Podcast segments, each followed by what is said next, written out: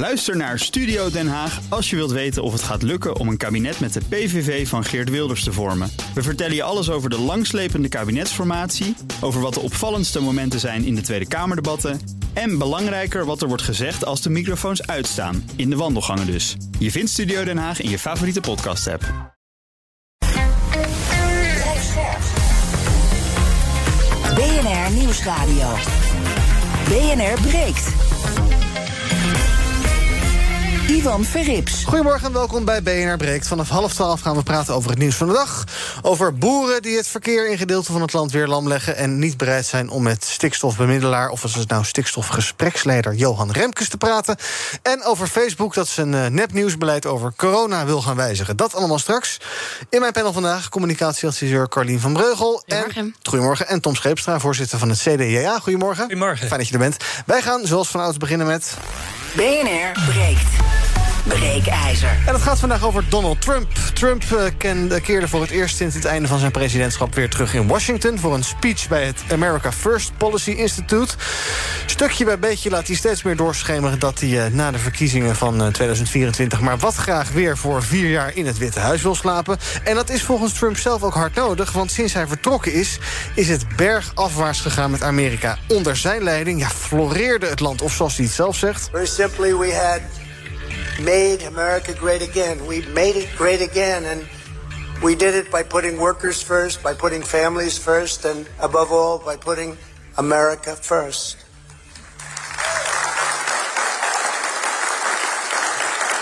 But now our country has been brought to its knees, literally brought to its knees, and who would have thought this could happen? Ja, nou, hij maakt zich dus zorgen.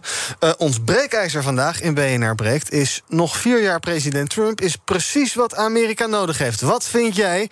Is het hoog tijd dat uh, Sleepy Joe, impopulair... en misschien ook maar matig succesvol, het veld gaat ruimen... en dat er dan ook gelijk een Trumpist in het Witte Huis komt... of wordt dat de ondergang van Amerika? Ik hoor graag wat jij ervan denkt. 020 468 4 keer 0 is ons telefoonnummer als je wil reageren.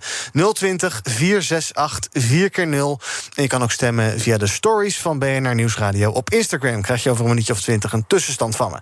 Zometeen hoor je hoe mijn panelleden erover denken. Maar ik begin bij Amerika-kenner en auteur van het boek Lang leven Trump. Raymond Mens, goedemorgen.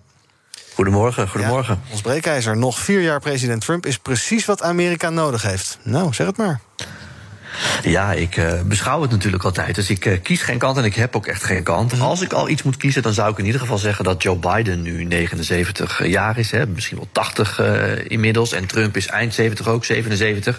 Dan zou het in ieder geval goed zijn, of het nou een democraat of een republikein is, dat er misschien een wat jonger iemand komt. En ja. je zegt terecht dat als dat een republikein is, dan is het waarschijnlijk een Trumpist. En daar doelde de titel van mijn boek ook op. Ik had eerlijk gezegd niet verwacht dat Trump weer terug zou komen.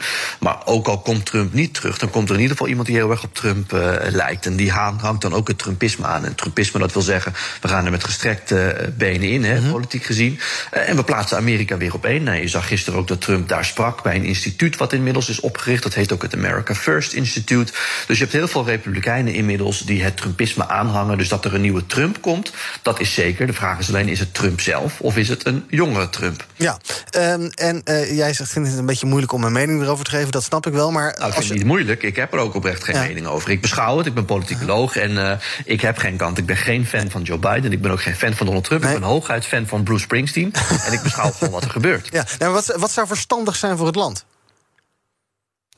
Ja, dat is aan de kiezers van het land om ja. dat uh, te bepalen natuurlijk. Kijk, in ieder geval... Klinkt al democratisch, dit. In Amerika...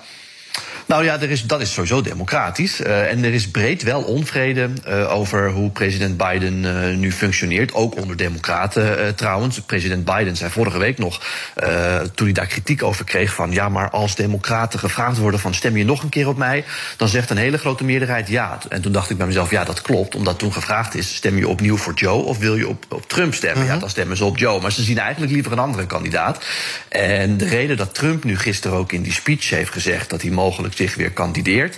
En dat hij daar ook een beetje op voortborduurt. Er zijn meerdere redenen voor. Maar een van de redenen is dat er ook wel flink wat Republikeinen nu zijn. die ook naar een nieuw gezicht aan het kijken zijn. En uh, waar Trump eerst de luxe had om zo lang mogelijk met een eventuele nieuwe kandidatuur te wachten. Omdat ja, uh, hij was koning in zijn eigen partij. Dat is hij eigenlijk nog steeds wel. Maar je ziet toch dat er wat nieuwe gezichten langzaam maar zeker opkomen. Mm -hmm. Ja, dat noopt Trump ertoe om mogelijk eerder uh, die kandidatuur bekend te maken. Mogelijk al in september. En daarmee hoopt hij eventuele campagnes van tegenstanders eigenlijk voortijdig kapot te maken. Ja. Nou, laten we zo even kijken waar het dan van afhangt. Wanneer dit bekend maakt, wie die tegenstanders precies zijn, hoe kansrijk ja. die zijn. Ik doe eerst even een rondje in het panel.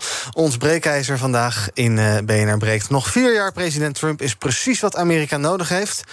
Tom, wat vind jij? Ja, oneens. Uh, we hebben het afgelopen week ook gezien dat zijn rol bij de bestorming van het kapitool heel ja, discutabel is. Ik denk dat dit ook een soort van afleidingsmanoeuvre is om uh, ja, de aandacht weer ergens anders op te vestigen. Amerika is ontzettend verdeeld. Uh, nog vier jaar Trump gaat daar echt niet mee helpen. Mm -hmm. maar ook als ik het breder trek, het Westen was met Trump als president nou, best wel wat verdeeld. Ik denk ook aan de uitspraken die hij heeft gedaan over de NAVO.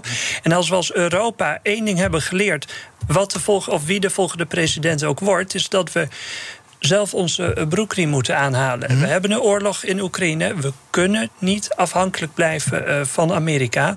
Uh, wat voor president we ook krijgen, ja. republikein of democrat. En jij zegt een afleidingsmanoeuvre voor wat? Ja, de, uh, nou ja we hebben de afgelopen week gezien hè, in dat grote onderzoek van de bestorming van het kapitool... Ja. dat Trump nou ja, wel degelijk op de hoogte was wat er gebeurde. Dat hij misschien ook richting het kapitool wilde. Mm -hmm. Ja, dat is natuurlijk heel kwalijk. dat kun je als president absoluut niet maken. Uh, ik vraag me ook af of het volgens de grondwet wel mag, of dat er misschien strafbare feiten zijn gepleegd. Mm -hmm. Nou, dat is allemaal niet hele positieve uh, ja, imago-nieuws. Nee. Uh, ja, en als je dan nu met een ja, deze uh, aankondiging zegt van nou, misschien ga ik wel weer als, als president me kandideren.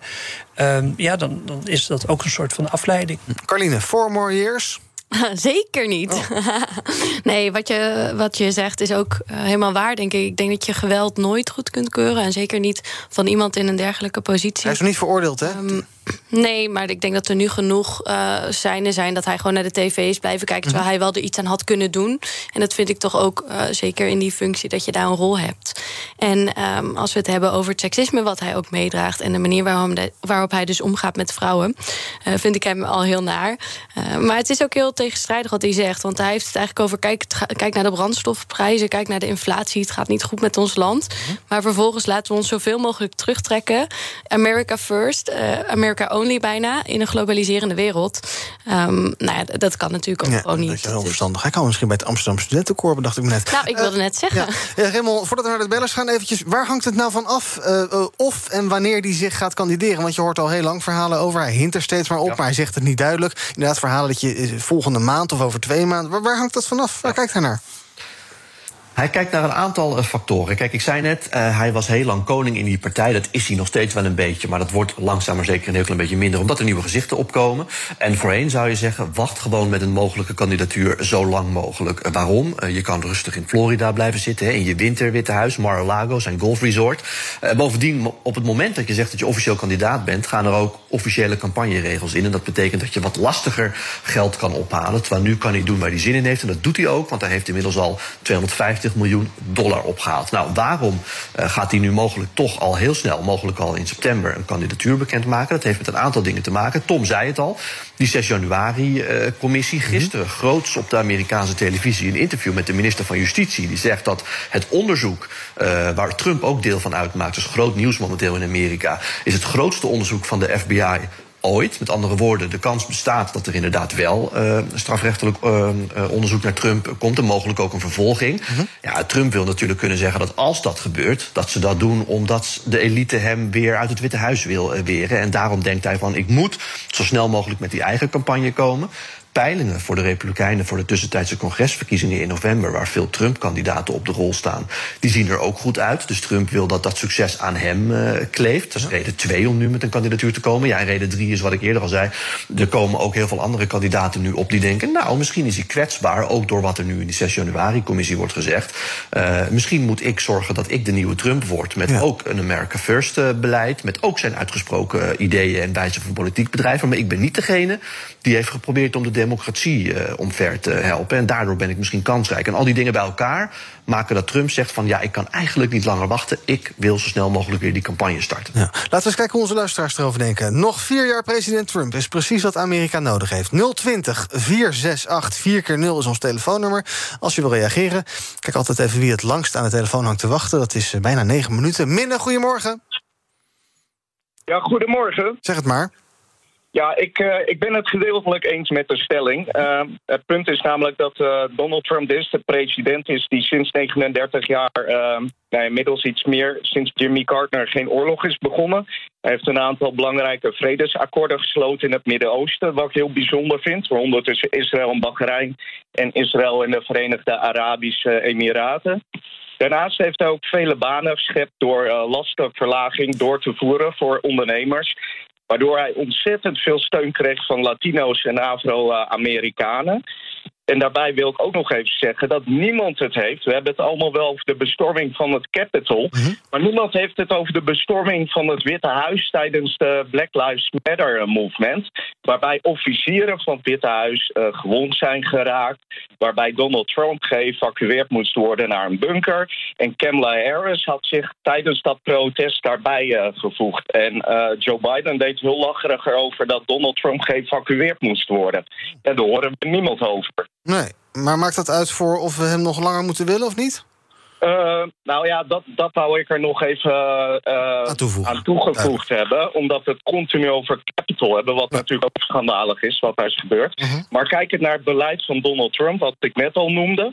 En ook bijvoorbeeld het United States-Mexico-Canada Agreement. -huh. Hij heeft echt hele goede zaken verricht. Wat gewoon bij lange na niet altijd uh, is genoemd okay. in de media. Uh, ja, en dat vind, dat vind ik jammer. Hij, hij wordt ontzettend onderschat. Hij heeft veel meer gedaan dan de media uh, altijd ons heeft doen berichten. Dank voor het bellen. Laten we zo even hebben over die media... en hoe die over hem berichten en wat ervan klopt en wat er niet van klopt. Dick, goedemorgen. Uh, Dick Minneman, ja, dat klopt. Zeg maar. Ja, ik ben het uh, totaal niet mee eens wat uh, de vorige spreker zei. -huh. En misschien, misschien is het wel allemaal dat hij veel dingen gedaan heeft, maar echt, hij is helemaal niet democratisch. En ja, hij hoort eerst, denk ik, de gevangenis in als, als dat misschien eruit komt. En dan, ja, dan kan hij echt geen president meer zijn. Nee, dus jij zegt eerst maar eens die hele zaak afwachten en dan zien we wel verder. Nou ja, ja, dat is zo, want uh, wij kunnen niet oordelen voordat er iemand veroordeeld is. Uh -huh. Maar uh, dat moet eerst, denk ik, gebeuren. Duidelijk, dank voor het bellen. Bas, goedemorgen. Ja, goedemorgen. Zeg het maar. Uh, nou, ik ben het eens met uh, de stelling. -huh. En um, kijk, op, laat ik het even zeggen, op microniveau wat hij gedaan heeft, hè, de bestorming van de Capitol, uh, allerlei gekke opmerkingen gemaakt. Ik ben het e totaal niet eens met, met meneer Trump. Maar op macroniveau heeft hij er wel voor gezorgd dat Europa heeft ingezien dat ze veel meer op eigen benen moeten gaan staan. Hè? Rondom de NAVO, uh, milieuverdragen die hij afgezegd heeft... Uh, waardoor Europa uh, nog wat tandjes bij moet gaan zetten. Um, hij heeft wel een heel, heleboel globale problemen blootgelegd... waarvan ik denk, ja, misschien hebben we daar nog niet genoeg van geleerd. En als hij weer vier jaar aan de macht is... met alle problemen die er ook wel weer gaan ontstaan... Um, gaat hij wel zorgen voor een dusdanige opschudding... en het wakker maken van, van landen en uh, uh, dingen onder vergrootglas legt. Waarvan ja. ik denk, ja, misschien is het dan toch wel weer nodig. Want ja. dat heeft hij wel, door zijn gekke gedrag, heeft hij een hoop dingen blootgelegd. Een soort voor een goede spiegel, duidelijk. Dank. En tot slot van dit blokje even onze vaste vriend Fred van der Laar. Goedemorgen, Fred. Goedemorgen. Uh, ik zal een korte reactie geven. Ja. Het Witte Huis lijkt steeds meer op een bejaardenhuis. Mm -hmm. Als je goed kijkt, zijn die mensen uh, toe aan golven, uh, aan uh, allerlei leuke spelletjes te doen ja. met leeftijdgenoten. En zij moeten zich niet meer bezighouden, zeker niet mensen boven de 70, met allerlei politieke, zwaarwichtige zaken. Oké. En, en ik vind dat daar een vrouw moet komen. Ja, en een jonge vrouw dus. Nou, een vrouw van 50 plus. Ja, precies. Niet al te oud in ieder geval. Dank voor het bellen, Fred. BNR breekt. Ivan Verrips. In mijn panel vandaag Carline van Breugel, communicatieadviseur Tom Scheepstra van het CDA. Ook bij me is Amerika- en Trump-deskundige Raymond Mens. En we praten over ons breekijzer. Nog vier jaar president Trump is precies wat Amerika nodig heeft. Wil je nog reageren, pak je telefoon 020 468 4 keer 0 Dan praat je zo nog mee. Um, uh, Carline, jij stond te springen om te reageren. Wat wil je zeggen? Ja, nee, dat ging eigenlijk over die Black Lives Matter-protest... en dat Ja. daar zo weinig reuring aan zou zijn gegeven. Terwijl ik denk, nou, de mensen daar zijn met groot geweld aangepakt. En juist bij de bestorming van het Capitol eh, was dat niet het geval. Dus ik, ik, ik sloeg daar heel erg op aan, omdat het mij ook echt wel raakt... dat we daar toch nog zo'n onderscheid in maken als samenleving... en bij andere groepen harder optreden. Je ziet het ook bij de boeren en bij ehm, Extinction Re- Rebellion... bijvoorbeeld klimaatactivisten, daar wordt dan zo anders op gereageerd. Ja, dat, dat maakt me boos. Uh, Raymond, een van de bellers had het over de media. Uh, en ja. in Nederland zijn we denk ik met z'n allen toch wel wat meer uh, democratisch ingesteld. En wat meer uh, pro-Biden, is mijn idee. Uh, is, de, is dat inderdaad zo? Zijn die, zijn die media hier heel erg anti-Trump anti voor jouw gevoel? Ja, dat is altijd zo. Dat wil overigens niet zeggen dat twee dingen niet uh, naast elkaar kunnen bestaan. Hè. Wat Trump heeft gedaan of niet heeft gedaan op 6 januari, dat kan fout zijn. -hmm. uh, tegelijkertijd kan er ook een anti-Trump sentiment zijn. En dat is altijd zo. Maar uh, president Bush, waar mensen in Nederland nu nog wel eens naar terug verlangen, die werd ook als een hele domme cowboy gezien. Ronald Reagan was een domme acteur. Terwijl Clinton, Obama, dat waren dan de helden. En ik snap dat ook, want die liggen qua politiek wat dichter bij de West-Europese politiek. Dus ik snap dat beeld wel. Maar daar is altijd een soort vooroordeel. Terwijl ook al zien die Amerikanen er uh, een beetje uit zoals wij... en rijden ze voor een deel in dezelfde auto's en kijken ze naar dezelfde televisieseries... het zijn gewoon ander soort mensen dan Europeanen... Uh, die er ook andere normen en waarden op nahouden. En wat helemaal interessant is, uh, dat is ook de reden waarom... nou ja, ook in Amerika, maar dat hoorde ik net ook door die beller zeggen... van ja, waarom besteden we geen aandacht aan bijvoorbeeld Black Lives Matter... of het feit dat steden geplunderd werden of het huis geplunderd werden. Wat je in Amerika heel erg ziet, is dat er eigenlijk twee wereldbeelden naast elkaar bestaan... door de media. Je hebt eigenlijk de achterban van Trump of de Republikeinse Partij, die Fox News als hun belangrijkste nieuwsbron zien en daar uh, veel naar kijken. En andere media eigenlijk wantrouwen. Terwijl uh, democratische kiezers hebben wel wat meer media waar ze naar kijken, maar die wantrouwen weer heel erg Fox. Dus je hebt eigenlijk, als je langs bijvoorbeeld nieuwszenders in Amerika zept, uh, dat je twee totaal verschillende beelden van de maatschappij krijgt. En dat maakt dat eigenlijk één waarheid, waarbij en bijvoorbeeld wat er op 6 januari is gebeurd slecht is, maar waarbij ook het plunderen van die steden bijvoorbeeld, hè, die uit de hand gelopen Black Lives Matter demonstraties, dat dat ook slecht is. Die ene waarheid, in ieder geval in de Amerikaanse media, die, die, die hoor je wel, maar hoor je te weinig. Terwijl er bestaan eigenlijk twee uh, waarheden of onwaarheden naast elkaar. En daardoor krijgen verschillende kiezersgroepen ook verschillende informatie uh, naar zich toe. Ja. Laten we nog even naar de man uh, luisteren, want het is een iconisch stemgeluid altijd. We hebben natuurlijk al vier jaar Trump gehad. dit is wat dat als resultaat had, had, althans volgens hemzelf. We had a booming economic recovery like nobody's seen before. The strongest and most secure border in U.S. history. Energy independence and even energy dominance. Historically low gas prices, as you know. No inflation, a fully rebuilt military, and a country that was highly respected all over the world by other leaders, by other countries, highly respected. Ja, Trump over Trump. Uh, en als je dan kijkt naar Joe Biden, uh, ik hoorde ook wel eens onze buitenlandcommentator Bernard Hammelburg erover, die, dan zeg je toch, ja. hoor je toch het verhaal van ja, eigenlijk heeft hij niet zoveel bereikt. Ja, infrastructuur uh, heeft hij flink veel geld voor losgemaakt, maar verder, ja, wat heeft die man bereikt? Nee, het lijstje is uh, vrij karig. Maar wat je hier ook uit hoort, en dit is niet eens de beste speech van Trump, is ook het verschil van politiek bedrijven. Kijk, uh, ik denk wat Biden slim heeft gedaan, is dat hij aan het begin van zijn presidentschap al gezegd heeft. Na die jaren van chaos en conflict onder Trump, want zo zagen zijn kiezers dat toch, en zo zagen heel veel Amerikanen dat, willen we terug naar een wat meer stabielere vorm van regeren. En ik ben dus vooral die hele rustige en inderdaad wat oude president, die in mijn kantoortje zit en rustig het werk doet. Op zich is dat prima. Alleen het probleem waar hij nu tegen tegenaan loopt, is dat hij daardoor ook onzichtbaar is. Uh, en Trump, uh, de, de economie hoefde maar met 0,00001% te groeien. En Trump stond voorop op een podium en zei van we're doing great en het gaat weer fantastisch. En dat deed hij iedere dag. Uh, en, en anders dan wat mensen vaak beweren over Trump, stond Trump ook iedere dag de pers te boord, vrijwel iedere dag. Joe Biden doet datzelfde, heeft ook al heel lang geen persconferentie meer gegeven. en is daardoor ook een beetje onzichtbaar. En als je dat dan combineert met het feit dat inderdaad het lijstje aan prestaties vrij uh, karig is. Sterker nog, de grootste prestatie en de grootste verandering in de Amerikaanse politiek is het afschaffen van het nationale recht op abortus. Nou, dat kan op het konto van de Republikeinen en op Trump worden geschreven. Dus als je ziet dat het lijstje met veranderingen karig is en vervolgens dat hij zo onzichtbaar is, ja, dat maakt uh, dat hij er in de peilingen heel slecht voor staat. En dat het vertrouwen in hem zo ontzettend laag is. Tom, jij bent geen Trump-fan, kreeg ik de indruk. Moet het überhaupt een de democraat zijn? Of mag het wel een republikein zijn, maar dan geen Trump, wat jou betreft? Um, ja, als de kiezers voor een republikein gaan, dan kan ik dat ook heel goed begrijpen. Uh, nou ben ik het helemaal eens. Alsjeblieft, ga verjongen. Ja. Um, en ik denk dat het ook in belang van de Republikeinse Partij voor de lange termijn is dat ze met een veel meer gebalanceerde kandidaat gaan komen. Um, maar dat is hetzelfde eh, voor de Democraten. Mhm. Alsjeblieft, verjong ook daar. Ja. ik denk dat de rol van de media wel ontzettend belangrijk is. Want we hoorden het net ook al. Uh, onder Trump kwam er geen oorlog. Er werd juist geen oorlog gestart en, en militair was Amerika oppermachtig. Nou ja, als historicus zie ik dat toch ietsje anders. Mm doordat Trump zo nadrukkelijk heeft gezegd: uh, we weten niet of we wel door moeten met de NAVO, had Poetin natuurlijk het idee: nou weet je wat. Uh, ik kan wel naar Oekraïne. Ja. Want uh, Amerika gaat toch niet helpen. En Europa, ja, militair stelt dat niet zoveel voor. Dus ik denk dat Trump een hele grote rol heeft gespeeld. in het bewustzijn bij Poetin. Zo van, nou, waarschijnlijk kan ik, uh, kom ik er wel mee weg ook.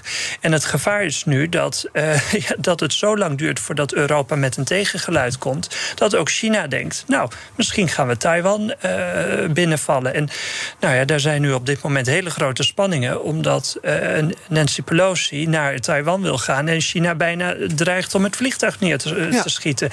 Nou, dan denk ik van nou, hartstikke goed gedaan, Trump. Ja, en bedankt, is dat ja. wat je zegt. Ja. voordat we naar de laatste bellers gaan.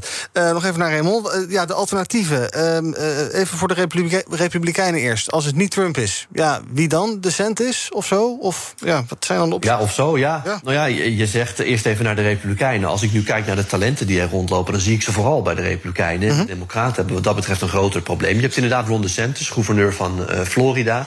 maar je hebt ook Mike Pence, hè, die al in Iowa is gesignaleerd. De staat die als eerste altijd voorverkiezingen houdt. Nou, dat is iemand die natuurlijk onder Trump heeft gewerkt, maar die verschillen op één cruciaal punt. En dat is 6 januari. Dus dat kan nog interessant uh, worden. Uh, je hebt Nikki Haley, oud-gouverneur en ook VN-ambassadrice onder Trump. Je hebt een aantal andere vrouwelijke republikeinse gouverneurs van een aantal staten die ook heel populair zijn. Dus daar lopen meerdere talenten rond. En al die talentjes, daar zoemt het ook al een beetje omheen. Dat ze nou ja, bijvoorbeeld naar Iowa gaan of dat ze met donateurs praten. En, en, en, en daardoor denkt Trump ook van ja, als ik nou nu al mijn kandidatuur bekend maak, dan kan ik mogelijk die campagnes van hun nog daarvoor al kapot maken... voordat ze überhaupt opgestart zijn. In plaats van dat hij zometeen met hun uh, op een podium moet gaan staan... en moet vechten voor zijn plekje, wat hij natuurlijk liever niet wil. Nou, bij de Democraten uh, zijn er eigenlijk vrij weinig uh, talenten. Ja. Harris wordt gezien als talent, maar is ook erg onzichtbaar. Schijnt ook niet al te goed te boteren met de president. Dat is allemaal lastig moeilijk. en andere namen die daar genoemd worden als mogelijke opvolger van Joe Biden... zijn ook al in de zeventig. notabene Elizabeth Warren, Bernie Sanders, maar ook Hillary Clinton wordt genoemd. Dus daar wordt niet echt aan verjonging gedaan. Hm. We gaan naar onze laatste bellers. Die reageren op ons breekijzer. Nog vier jaar president Trump is precies wat Amerika nodig heeft. Bart Oerlemans, goedemorgen. Hallo, goeiedag. Zeg het maar. Um, nou, ik ben heel uh, blij als Trump terugkomt. En ik ben geen Trumpist of Trump-aanhanger. Maar als we het hebben over de wereldleiders boven de wereldleiders, dan hebben we het over Klaus Schwab en het World Economic oh Forum. Oh jee, ja. ja, daar gaan we weer, sorry. Maar het is wel een feit. Uh, Trump is uh, de enige die daar echt compleet lak aan heeft. Uh, Rutte is een jong global leader, net als Macron, Trudeau, De Croo, noem ze maar op. Hm. Het zijn allemaal meelopers. Ze doen allemaal wat Schwab. En zelfs van Biden was de uh, slogan Build Back Better in zijn campagne. Ja. Dus ja, sorry, maar het is echt zo. En als je erin verdiept, dan uh, kom je er vlug uit. Ja, nou, we gaan onderzoek doen en zelf uh, bronnen lezen... en met hoogleraren praten en dat soort dingen. Dank Bart voor het bellen. Bas, goedemorgen. Hallo. Hallo, zeg het maar. Ik ben het er oneens met de stelling. Hm? En omdat, eh, dat is omdat Trump werkt polariserend op de samenleving in Amerika en op de wereldsamenleving. En eh, ja, op die andere eh, mensen die net zeggen dat ze het oneens zijn met Trump. Ja, Trump heeft misschien ook goede dingen gedaan, maar dan kun je ook zeggen over de grootste dictators in de wereld. En dat is dus geen relevant argument. Ja, dus dat moet je niet willen, zeg jij. Dank voor het bellen. En tot slot van dit half uur, Marhe, goedemorgen. Goedemorgen. Nee, Trump moet vooral niet terugkomen, want Trump heeft ervoor gezorgd dat we op de trap van Darwin met een heleboel omlaag zijn gedonderd qua beschaving. En eh, het moet gewoon nu niet meer. Dan, dan maar een paar die het niet zo goed doen, een poosje. En dan blijven we in een rechte lijn qua beschaving. Maar vooral geen Trump. En wat een van de mensen, of een aantal mensen aanhaalde, van hij heeft ook dit eh, goed gedaan en dat goed gedaan. Luister, een politicus, een staatshoofd hoort de goede dingen te doen. Daarvoor is hij staatshoofd. Daarvoor wordt hij ook betaald.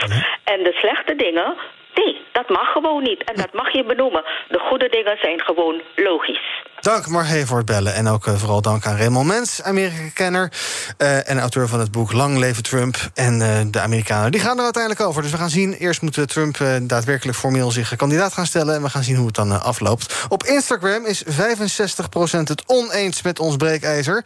Nog vier jaar president Trump is precies wat Amerika nodig heeft. Je kan daar nog de hele dag reageren. Op de radio stoppen we nu met dit onderwerp... maar op de Instagram kan je dus nog de hele dag reageren. Zometeen gaan we verder praten over het nieuws van de dag.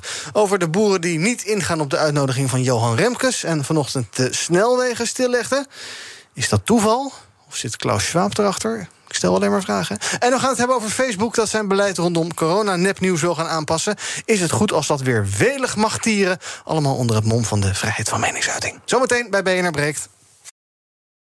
Ook Harm Edens vind je in de BNR-app. Je kunt BNR Duurzaam niet alleen live luisteren in de app, maar ook terugluisteren als podcast, zoals al onze podcasts.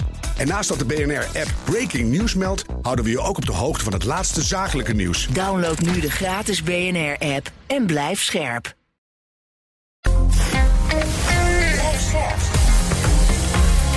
BNR Nieuwsradio. BNR breekt. Ivan Verrips. Welkom terug in mijn panel vandaag. Tom Scheepstra van het CDA en communicatieadviseur Carline van Breugel. We gaan praten over het nieuws van de dag. Te beginnen met de boeren. Die zijn vandaag weer aan het actie voeren. Beetje onverwacht opeens. Eh, vanochtend, eh, iets na zessen, kregen we berichten van allerlei acties op meerdere snelwegen. Waar ze dan eh, afval, hooi en mest dumpten op snelwegen, opritten, brandstichten. Rijkswaterstaat laat weten dat ze bezig zijn met opruimen. Maar je hoort het net toch bij de ANWB. Er is nog steeds wel wat vertraging. Ehm, en Rijkswaterstaat wijst er ook op dat die blokkades gevaarlijke situaties kunnen opleveren. Zorgt natuurlijk dus voor veel vertraging. Uh, ja, frustratie, je moet over de vluchtstrook, dat soort ellende. Uh, boeren zelf, Farmers Defence Force heeft gezegd... ja, kijk, krijg, nou, dit, dit krijg je als je boeren boos maakt. Dan, uh, ja, dan kan je dit verwachten dat dit gaat gebeuren... zegt Sita van Kijmpema van Farmers Defence Force. Daar moet je niet raar van opkijken. Iedereen zou dit doen als je van je land en uit je huis wordt gejaagd. Um, opeens weer boze boeren. Um, goed dat die van zich laten horen, Carline? Op deze manier, nee. Ik vind het echt bizar. En uh, ja, er zijn zoveel mensen die een hele problematische situatie zitten. Denk bijvoorbeeld aan de toeslagenaffaire, de ouders daar. En als iedereen zomaar een snelweg gaat blokkeren... en hulpdiensten daarmee uh, blokkeert, ja, vind ik bizar. En nou ja, ze willen dus ook niet met Remkes praten. En dan denk ik ook, wat wil je nou bereiken? Want toen de minister niet wilde praten... kwamen ze met tractoren naar hun huis. Dus ik zie nu zo'n Remkes vormen op zo'n tractor... die dan al die boeren afgaat om dan het gesprek te gaan voeren. Misschien uh, komen we er dan uit met elkaar. Maar ja, als je niet aan tafel gaat zitten, kom je natuurlijk helemaal nergens. Nee, uh, dat snap ik. Uh, ik snap ook wel een beetje dat zij zeggen... ja, die Remkes die, uh, is één, een van de architecten van dit beleid. Althans, het rapport dat hij gemaakt heeft... ligt ten grondslag aan de, aan, ten grondslag aan de doelstellingen die we nu hebben. En twee, hij heeft eigenlijk helemaal geen, geen mandaat. Ja, hij is naar voren gestuurd door het kabinet als... ik geloof dat het kabinet het een gespreksleider noemt. Ja, staat daar voor gedoe? Je hebt toch, ja. je hebt toch niks aan zo'n man dan? Volgens mij was dat wel op verzoek van Caroline van der Plas. Ja, um, die, had, die wilde graag een bemiddelaar. Maar het kabinet heeft daar een gespreksleider van gemaakt. Ja, dus nou, soort, en, soort... en aanvullend daarop, kijk, uiteindelijk kunnen ze niet in gesprek gaan. Dat is een optie. Maar als ze dit doen, maken ze vooral de burger boos... die normaal achter hun staat, die ze daarmee verliezen. Dus ik vraag me daadwerkelijk af um, wat ze hiermee bereiken. En ik vind ook dat er op moet worden getreden. Want dit kan niet het effect van demonstreren zijn. Ik bedoel, ik ben zelf een enorme demonstrant. Ik vind het heel belangrijk om op te staan voor uh, rechten van mensen. Maar dit, dit kan gewoon niet. Ja, ik vond het op zijn minst een verrassende keuze van Remkes. Ook omdat hij uh, nou ja, mee heeft geholpen met de vorming van dit kabinet. Mm -hmm. En juist heel veel onvrede is nu over deze regering. Um, dus nou ja, dat was merkwaardig. Ik denk ook dat de politieke kleur niet heel erg helpt. Nee. Uh, dus had misschien een onafhankelijk iemand uh, van buiten ook de gevestigde politieke partijen gekozen. Um, nou ja, dan over de demonstraties. Ik begrijp heel goed dat boeren willen demonstreren. Maar volgens mij is dit niet de manier waarop. Mm -hmm. En ik zie ook dat het debat debat uh, alleen maar harder gaat worden. En uh, ja, daar moeten we wel met elkaar uh, gaan oppassen. En ik maak me dan ook zorgen als nu organisaties niet eens meer in gesprek willen gaan. Ehm, kijk, een uitkomst kan natuurlijk zijn dat je het niet met elkaar eens bent in zo'n gesprek. En dat dan uh, ja, wegen weer scheiden, zoals Kaag, uh, Kaag dat wel eens zei. Uh, en zelfs dan kun je weer bij elkaar komen. Dat blijkt, ja. Um, maar om bij voorbaat al te zeggen: we gaan het gesprek niet aan, ik denk dat dat geen goede keuze is. Ja. nog even over Remkes en dan weer even over de snelwegen. bij Remkes, bij die gesprekken die eind volgende maand gaan beginnen, half tweede deel volgende maand, zit ook een vertegenwoordiger van het kabinet. Ik geloof dat Van der Wal en of Staghouwer daarbij zitten. Uh, hoe logisch is dat? Waarom zou je een gespreksleider aanwijzen en dan ook iemand van het kabinet erbij zetten? Uh, nou, omdat natuurlijk uh, vanuit het kabinet wel een uitwerking moet gaan komen. Ja. Uh, dus waarschijnlijk is er heel praktisch gedacht van nou, we zetten de, de ministers er al bij. Uh, zodat dat misschien wat vlotter kan gaan. Alleen misschien eerst een eerste ronde individueel uh, kan ook wel eens handig zijn, omdat hm. er natuurlijk hele hoge emoties zijn. Ja, ja maar ik denk, ik denk dat LTO uh, ook wel individueel praat met uh, Van der Wal en met Staghouders. Dan gaat nu Remkes erbij zitten. En ja, wat dan? Ja, dat lost toch niks op. Nou ja, als ze individueel ook al praten, dan zie ik ook geen bezwaar waarom ze uh, dat nu op deze manier ook. Ja, omdat het niks toevoegt, zeggen ze. Nou, dat, dat vraag ik me af. Want uh, ik heb die kritiek gelezen en ze zeggen van ja, want het is nu al redelijk in beton gegoten. Uh, maar volgens mij is nog niks definitief. En mm -hmm. moeten we nu juist iedereen bewegen dat we met elkaar gaan kijken naar oplossingen. Um, want dat er iets moet gaan gebeuren, dat, dat, uh, dat is volgens mij evident. Dat het kaartje heel ongelukkig was. Volgens mij is uh, inmiddels ook heel veel mensen zijn het daarmee eens. Dus dan moet je nu gaan kijken, en ook met de provincies, want die mogen we niet vergeten. Van hoe ga je dan uh, per provincie kijken hoe je het probleem gaat oplossen? Mm. Supermarkten die willen graag dat de schade die zij hebben geleden door die blokkades van een tijdje geleden, dat die verhaald worden op die boeren. Uh, we zien foto's deze ochtend voorbij komen, inderdaad, van hooibalen in de fik, in uh, bermen en wegen en tractorbanden en dergelijke. moeten we die opruimen en schoonmaakkosten ook gaan verhalen op de daders hiervan, Caroline? Is dat verstandig? Of moeten we dat als samenleving dragen? Nou ja, het is dus de vraag of we weten wie dat zijn. Uh -huh. Omdat er in die zin niet is gehandhaafd. Um, en je kan het moeilijk op alle boeren beroepen. Dan, dan scheren wij hen net zo goed over één kamp. Dat is niet eerlijk. Dus ik denk dat uh, als dit soort dingen gebeuren... dat we wel moeten bereid zijn om mensen wel uh, in te rekenen. Ook als dat betekent dat we dan een sleepwagen moeten halen voor de tractor. Um, en het, ik snap de praktische bezwaren wel. Maar uh, voor je het weet gaat het hele land met tractoren protesteren. Staan de studenten hier straks ook. Uh -huh. dus nee ik denk dat daar wel op moet worden gehandhaafd. Maar die kostenverhalen nu achteraf lijkt me onmogelijk. Hm. Uh, wat opvallend is de afgelopen tijd... is dat we steun zien uit uh, opvallende hoeken voor de boeren in Nederland. Bijvoorbeeld van, we hadden het net over een Donald Trump... die uh, boeren aanhaalt. Ik vraag me altijd af of hij überhaupt weet waar Nederland ligt. Hoofdstad van Kopenhagen of iets dergelijks. En ook Marine Le Pen is, is fan. Dat rijmt, maar zij is fan van de boeren in Nederland. Ik geloof dat Farmers Defence Force vandaag op bezoek is... bij het Poolse kabinet. Daar hebben zij ook al steun. En het gaat daar over solidariteit. Niet over getallen en feiten, maar het gaat er over solidariteit. Um, wat zegt jou de steun die voor de boeren, eh, waar ja, dat vandaan komt? Nou ja, uh, volgens mij uh, kan Trump nu niet heel veel veranderen hier in Nederland. -huh. Dus het is leuk dat hij zijn steun uitspreekt. Um, maar ja, van hoeveel waarde is dat nu? Um, ik, nee, ik bedoel meer, dit zijn, dit zijn, ik noem nu het Poolse kabinet, Trump, Le Pen, ja, dat zijn nou, rechtse figuren. Misschien kan je zelfs een extreemrechtse figuren. Kijk, wat zeg jou dat? Nou, dat is wel opvallend. Hè? Het is wat meer de, de rechtse, ook wat extreme hoek. Ik denk dat dat. Nou, laat ik het anders zeggen. Ik denk dat de gewone boer eh, met gezin, die zich zorgen maakt over de toekomst. Eh, kan mijn zoon of dochter de boerderij overnemen? Hebben we genoeg geld eh, om de rekeningen te betalen? Ik denk dat de gewone, normale boerenfamilie hier niet bij gebaat is. Ja, en daar zit natuurlijk ook wel het probleem dat je in iedere actie, beweging eh, de wat radicalere en minder eh, radicale groepen hebt. En sommigen zullen wel aan tafel willen en anderen niet. En sommigen ehm, zijn misschien al lang bezig met verduurzaming. En dat is wel wat het heel moeilijk maakt, omdat dit krijgt natuurlijk het meeste eh, de aandacht, logisch. Eh, Brandende dingen op een snelweg. Ja.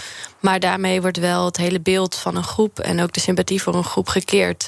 En ehm, ja, daar maakt extreem rechtshandig gebruik van. Ja, want die zien, dat er, die zien dan een, eh, eh, ja, een wicht tussen overheid en groepen in de samenleving. Vinden dat mooi dat uit te vergroten of zo? Of- Ja, ik denk inderdaad het eh, polariseren en nog meer mensen opzetten Ja. tegen die overheid.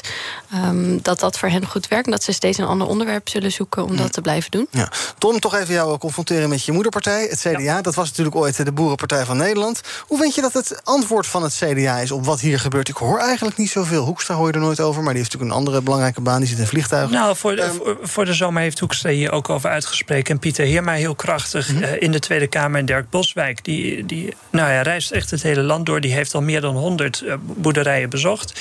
Ehm, eh, kijk, voor het CDA is het heel duidelijk... En, die kaart was heel ongelukkig. Dat kun je niet zo ja, positioneren. En je moet nu kijken, samen met de boer en ook met de provincies...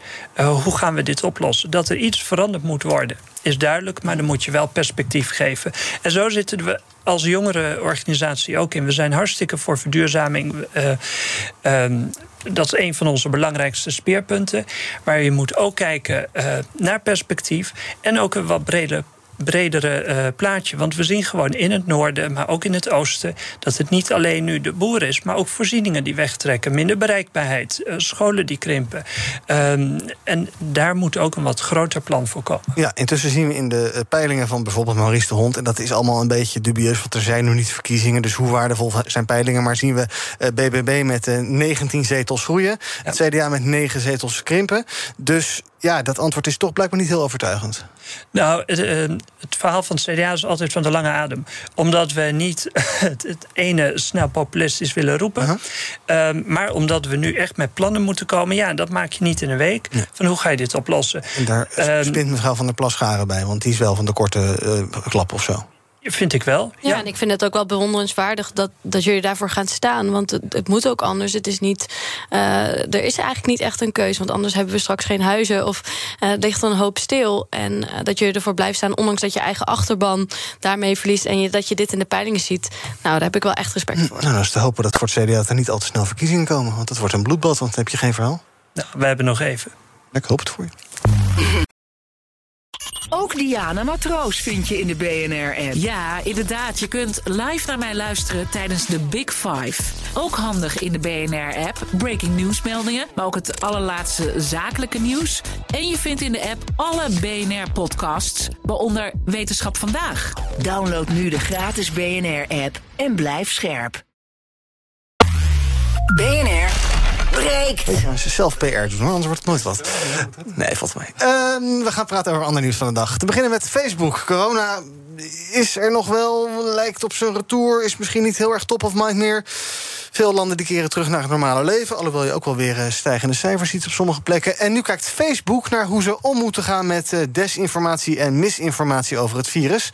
Tijdens de pandemie werd misleidende informatie actief verwijderd van de site. Was best veel kritiek op, want is dat dan geen censuur? Nou, nu is Facebook aan het kijken, goh, moeten we dat anders doen? Bijvoorbeeld door foutieve informatie een speciaal labeltje te geven. Informatie over eh, medicijnen die al dan niet werken. eh, niet eh weghalen, maar gewoon eventjes een label erbij zetten. Dit klopt niet.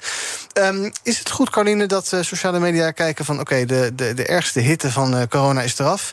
En laten we nu even kalm kijken hoe we dit op een iets fatsoenlijkere manier kunnen doen? Of zeg jij, nepnieuws over ziekte, medicijnen, dat soort zaken... moet je gewoon wegsmijten? Ja, ik denk niet dat daar een eenduidig antwoord op is. Maar ik denk wel dat het belangrijk is dat daarover na wordt gedacht. Want inderdaad, als je het maar allemaal bandt, dan gaan mensen naar andere media waar al überhaupt geen filter is. Tegelijkertijd um, is zo'n label misschien ook. wordt het anders gelezen door mensen die vaak artikelen met labels lezen. Denken: oh, dit is het echte nieuws. Dus daardoor wordt het dan weer juist um, makkelijker gemaakt om die, om die informatie uh, tot je te nemen. Dus mm -hmm. ik denk dat dat uh, nog wel een, een, een uitdagend gesprek wordt. Maar vrijheid van meningsuiting is een groot goed. En ook het feit dat we dat met elkaar kunnen delen um, en, en kunnen bespreken is belangrijk. Ja. Dus ik denk dat het goed is dat we hier nog verder induiken. Ja, maar niet onbeperkt natuurlijk vrijheid van meningsuiting. Want uh, je hebt ook allerlei strafbare uitingen, dat mag niet. Uh, nepnieuws is geloof ik niet echt wettelijk verboden of iets dergelijks. Dus wat vind jij, hoe moeten we daarmee omgaan, Tom? Ja, ik stel je toch iets scherp in. Ik denk dat het uh, wel heel goed zou zijn als het toch ja, achter wordt gehouden. en volgens mij is het zo dat Europees gezien er een Europese Digital Act is aangenomen. Hm? over nepnieuws, waarin juist uh, ja, regels wat meer staan. Uh, dat niet zomaar alles meer ja, publiek gemaakt kan worden. Als het echt heel aantoonbaar is over de veiligheid of gezondheid. En ik denk dat we daarom nou ja, wel wat scherper hierop mogen zijn. Mm -hmm. uh, ja, omdat het gewoon voor de gezondheid gevaarlijke situaties kan opleveren. Maar ook uh, als het gaat om bijvoorbeeld terrorisme. Ja, en wie bepaalt dan wat waar is en wat niet waar is? Want dat moet denk ik niet een soort uh, ministerie van waarheid gaan doen of iets dergelijks. Nee, dus ik denk dat dat echt een, een, een juridisch hoofd moet zijn. Oké. Okay. Een, een, losstaand ding. Ja. Met daarin deskundige hoogleraren. Met, met deskundigen, ja. Okay. Die uh, ja, daar dan uh, een uitspraak over doen. Ja. Facebook heeft bijvoorbeeld een oversight board. Dat is een soort uh, ja, Supreme Court van Facebook-achtig dingen. Hebben ze zelf opgericht. Maar is een onafhankelijke commissie. Die dus beslissingen kan maken over moderatie van content. En wat bijvoorbeeld wel en niet verwijderd moet worden. Um, heb je daar vertrouwen in, Carline? Dat, zo'n dat, dat Facebook zelf zegt van wij weten wel hoe dat moet? Nou, ja, buiten dat is het denk ik goed om na te denken. Er zijn natuurlijk veel meer media dan alleen Facebook. Mm -hmm. En als je dan toch beleid hierop maakt, lijkt me goed om het niet alleen voor Facebook te doen. Dus ook die commissie niet binnen Facebook te laten mm -hmm. uh, zijn, maar uh, hoger uh, te halen. En als die toch onafhankelijk is, dan zal Facebook het ook niet zo erg vinden nee. als we daar zelf in voorzien. Maar het principe van zo'n commissie zie je wel zitten. Dus omdat dan, Ja, alleen ik vraag me wel af, maar nu ben ik geen digitale expert. Denk maar, denk maar hard op na. Hoe dat, hoe dat werkbaar is. Hè? Als je kijkt naar de hoeveelheid content die gedeeld wordt hoe snel dingen soms ontploffen. Uh, hoe ga je dat dan werkbaar maken? En zeker als je een beetje mensen van uh, aanzien in zo'n commissie wilt, hoe ga je dan in die agenda passen dat dan toch binnen een minuut of vijf beoordeeld kan worden of iets live kan gaan of niet?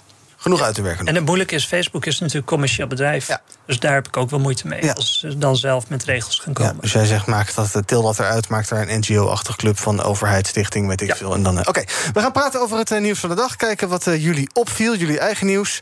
Carniele, jij wil het hebben over het studentenkoor. Dat is yes. sinds gisteren weer in het nieuws met allerlei teksten. En sinds gistermiddag ook filmpjes met hoofden op plekken waar ze niet helemaal horen. Um, ja, die cultuurverandering die zou er gaan komen. Ik zie de, de deskundigen zeggen, ja, dat kan wel, maar het is iets van de lange adem. Wat maak jij ervan? Hoe kan dit nou nog steeds zo uh, ontsporen? Ja, ik vind het echt super schokkend. Het was natuurlijk eigenlijk bedoeld als evenement om te laten zien... kijk, het gaat beter met ons, uh, een ding voor hun imago. Um, en vandaag stond er ook weer een artikel in de Volkskrant. Het ging er dan echt over dat er bierglazen... over een blenderend hek tussen de mannen naar de vrouwen werden gegooid. Dat die gingen duiken, zich met stoelen gingen beschermen. Uh, een en al chaos. Maar dat ook um, juist waar er onderzoek is geweest... naar seksueel overschrijdend gedrag... en waar vrouwen zich hebben uitgesproken in een uh, veilige setting naar hun gevoel. Dat juist iemand die ook bij die gesprekken aanwezig was, op het podium dingen heeft gezegd als vrouwen zijn niks meer dan hoeren. -hmm. En er zijn ook dingen gezegd als uh, nou ja, echt ja, oproepen tot geweld uh, richting vrouwen. En ik vind dat echt extreem. Zeker als je bedenkt dat dit zijn allemaal hoogopgeleide mensen met een goed netwerk. Dit zijn gewoon de managers van de toekomst. En als dit daar kan gebeuren zonder dat er iemand opstaat, terwijl het nog een speerpunt is geweest het afgelopen jaar, dan maak ik me echt enorm zorgen over wat dat doet. En over hoe erg je zo'n cultuur echt kunt veranderen. Als je het notabene bij die gesprekken hebt gezeten hierover. Ja. En je nog zo uitspreekt. Ja, nou ja, dan zou je dus denken: het is gewoon onwil. Want ja, uh, blijkbaar willen ze niet anders, toch? Of kan je zeggen: ja, het is heel zielig en we, het, het gaat gaat niet blijkbaar. En, uh... Nou, cultuur is denk ik iets heel hardnekkigs. Mhm. Maar iemand die bij deze gesprek is geweest, deze vrouw heeft gesproken, die supermoedig zijn geweest en dan zoiets zegt, eh, daarbij denk ik dat het vanuit hen als persoon onwil is. Maar een cultuur veranderen in een dergelijke traditionele vereniging lijkt mij uitdagend. Lijkt me niet onmogelijk. Maar dit laat wel zien dat er nu veel te weinig gebeurt. En ja, ze moeten denk ik met een heel goed plan komen om dit op te lossen. Ja. Ehm, eh, Tom, eh, je bent een beetje part-time koningshuisdeskundige. Je wilde het even hebben over Amalia, want die zou natuurlijk bij, bij, het, eh, bij het koor gaan, hè? Ja, nou, ik denk dat eh, burgemeester Halsema heel goed heeft ingegrepen. Eh, Want wat heeft zij gedaan? Nou ja, wat ze heeft gedaan is eh, een aantal dingen. Eerst dat ze de financiering niet heeft hervat. Mhm. En het tweede is dat ze heeft gezegd van we gaan een onderzoek doen. En zolang dat onderzoek niet klaar is, kunnen er geen nieuwe ja, leden bij het koor komen. Ah. En dat betekent dat Amalia, waarvan bekend was hè, dat ze ja, er ook bij wilde, Mhm. eh, ja, op dit moment er nog geen eens bij kan. Eh, dus eh, ja, de Rechtsvoorlichtingsdienst die. die Kan zich gewoon inschrijven en daarmee is het probleem. eh, o- nou ja, op, op dit moment. Maar eh, kijk, ik denk dat dat onderzoek gaat aantonen dat het heel hardnekkig is. Dat er al jarenlang iets wordt geprobeerd, maar dat Mhm. het ook niet lukt. Ja. En dat er nu, eh, en, en anders ook maar met financiering en andere zaken, echt eh, ja, orde op zaken moet komen. En niet alleen in Amsterdam, want ik ben bang, dit gebeurt ook in Groningen, dit gebeurt ook in Utrecht, dit is ook in Leiden. Dit is cultuur, hè, wat net is gezegd. Ehm, Ja, ehm, maar als je ook in 2019 was Milou Delen al eh, uit de kast gegrapt over de slutshaming die zij ervaarde. Dat was dan weliswaar eh, bij een andere eh, vereniging van het koor. Maar toen speelde dat al en daar heeft zij superveel haat om ontvangen. En nu deze vrouw, ik vind het heel vet dat zoveel mensen hebben ondertekend. Maar in de interviews durven ze niet met naam en toenaam. Nee. Omdat het zo'n cultuur is. Gisteren hadden we het hier ook over in onze uitzending. En eh, toen zag ik dat er een fragment van deze uitzending op YouTube verscheen. En daaronder kwamen reacties als: ach, het is toch gewoon eh, jongenspraat. En eh, laat ze toch lekker, we maken we ons druk om. En eh, het is maar gebabbel. Ja, en dat is precies het probleem. Dat mannen over vrouwen dit soort denigrerende grapjes maken. Dat je wordt gedenigreerd tot een stuk vlees in plaats van een mens. Met talent en met, met persoonlijkheid. En als dat de tendens is en als deze mensen straks in de boardroom zitten... hoe kom ik dan als jonge vrouw ooit aan tafel? En, en als het zo gemakkelijk was, nou, dan stop je er toch mee. Maar dit is heel kwalijk, hè? Want eh, je eh, gaat naar een nieuwe stad waar je nog niemand kent. Je wil ergens bij horen. ehm, en je gaat dan naar zo'n vereniging. Je bent eigenlijk hartstikke kwetsbaar. En dan krijg je dit over je heen. Ehm, en, en er gebeurt van alles. En, en nou ja, als je het eh, vaker hoort, je blijft maar nadenken van oh jee, en je wordt angstig. Het is echt eh, het is ongelooflijk dat dit dit kan. Tom, jij wil het hebben over de luchtvaart. Ehm, ja, er was een, een kort bericht van de minister Harbus. Dat hij zei van nou, we gaan van 500.000 vliegbewegingen naar 450 tegen 450.000 tegen Bloomberg. En aan de ene kant, ik was hartstikke positief, want ik denk, hé, hey, er gaat iets veranderen. Eh, aan de andere kant vond ik het ook wel weer typisch VVD, eh, een beetje kortzichtig, wat geen visie. En ook een VVD-Kamerlid, uh, Koerhuis, die ging gelijk weer van nee, dit hebben we niet afgesproken. Ja. En dan denk ik, kom op. We hebben eh, twee zaken gezien. De eerste is, we moeten gaan verduurzamen met elkaar. Dus ik heb vaker ook hier gezegd van... eh, kom met dat Europees eh, hogesnelheidsnetwerk voor de trein. En het tweede is ehm, dat we met Schiphol gewoon een capaciteitsprobleem hebben. Nou, maak dan een, een visie die alles omvat. Waarin je zegt van nou, we gaan Schiphol wat verkleinen. We gaan meer eh, inzetten op duurzaamheid. En we gaan dus zorgen voor kwaliteit in plaats van kwantiteit. Ja. Ehm, alleen... Maar dat wil Harbers toch? Die zegt van ik wil van die overstappers af. Dat gaan we lekker ergens anders doen. En we, Nou. willen, we willen focussen op mensen die Nederland daadwerkelijk willen bezoeken. Mensen die ons prachtige landje willen bekomen bekijken. Is dat visie of nou, niet? Nou, hoe het op mij kwam is, we hebben 500.000. We moeten wat omlaag, want we hebben... eh, maar de reden waarom hè, dat ontbreekt... eh, maar we moeten er 10% af. Ja, en of dat dan overstappen zijn of, of... Ja, bij voorkeur wel, want dan blijven de lange afstanden. Mhm. Ehm, maar ik, ik vond nog, eh, nou ja, heel, heel timide. Dus dan zeg ik, kom op VVD, beetje meer ambitie. Heel goed. We gaan tot slot van deze uitzending kijken wat er trending is op de socials. Nou, uiteraard eh, vanwege de situatie de afgelopen zes uur alles rondom boeren. Hashtag ik steun onze boeren, hashtag boerenverstand. Maar ook hashtag trekkerterroristen en terreurboeren zijn trending.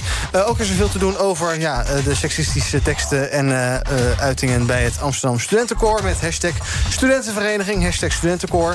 Ehm, en FVD gooit hoge ogen op de socials. Zij hebben bekendgemaakt dat de plannen rondom een FVD-basisschool serieuze vormen krijgen.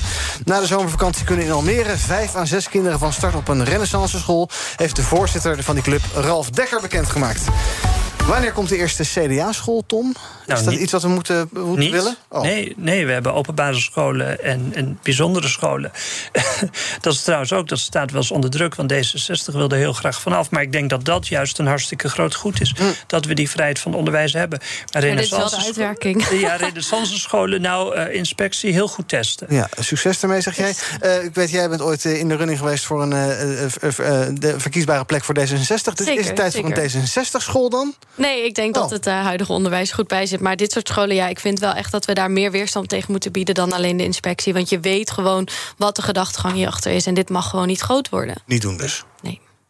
Dank jullie wel vandaag voor jullie aanwezigheid in deze uitzending. Tom en Carline, morgen dan ben ik er weer met BNR Breek. Tot die tijd volg je ons via de socials. En zometeen is Edwin hier met Zaken doen. Ook Harm Edens vind je in de BNR-app. Je kunt BNR Duurzaam niet alleen live luisteren in de app, maar ook terugluisteren als podcast, zoals al onze podcasts. En naast dat de BNR-app Breaking News meldt, houden we je ook op de hoogte van het laatste zakelijke nieuws. Download nu de gratis BNR-app en blijf scherp.